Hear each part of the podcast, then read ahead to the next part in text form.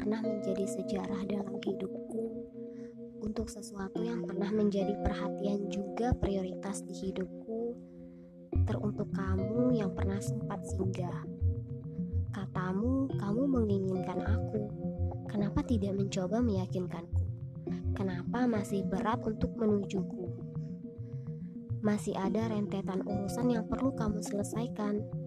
Itu kan katamu. Ah, kalau kamu terus begitu, bagaimana bisa aku harus setia pada sesuatu yang begitu abu-abu? Aku begitu menginginkan kebaikan untuk kita berdua, menyatukan mimpi aku dan kamu hingga menjadi kita, saling mendukung dan saling membahu. Banyak sekali yang ingin kita raih bersama. Hari itu, hari di mana kamu mengutarakannya dan hari itu pula aku memutuskan untuk tidak ingin melanjutkannya. Kenapa? Ya, setelah aku sadar bahwa kamu semakin terlihat abu-abu. Yang saat ini bersamaku bukanlah dirimu, adalah sesuatu yang tak bisa aku sentuh, yang tak bisa menggenggam tanganku. Iya, kamu.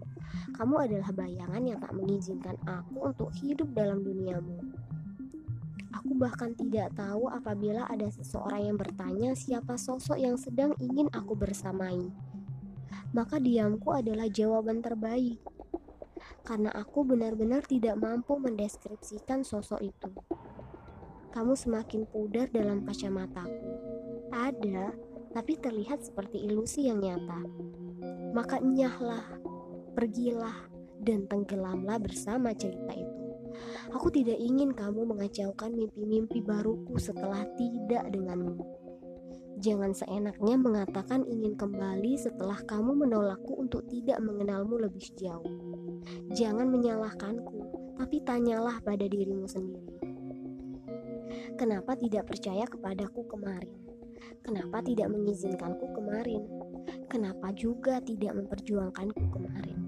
Iya, kemarin itu dulu.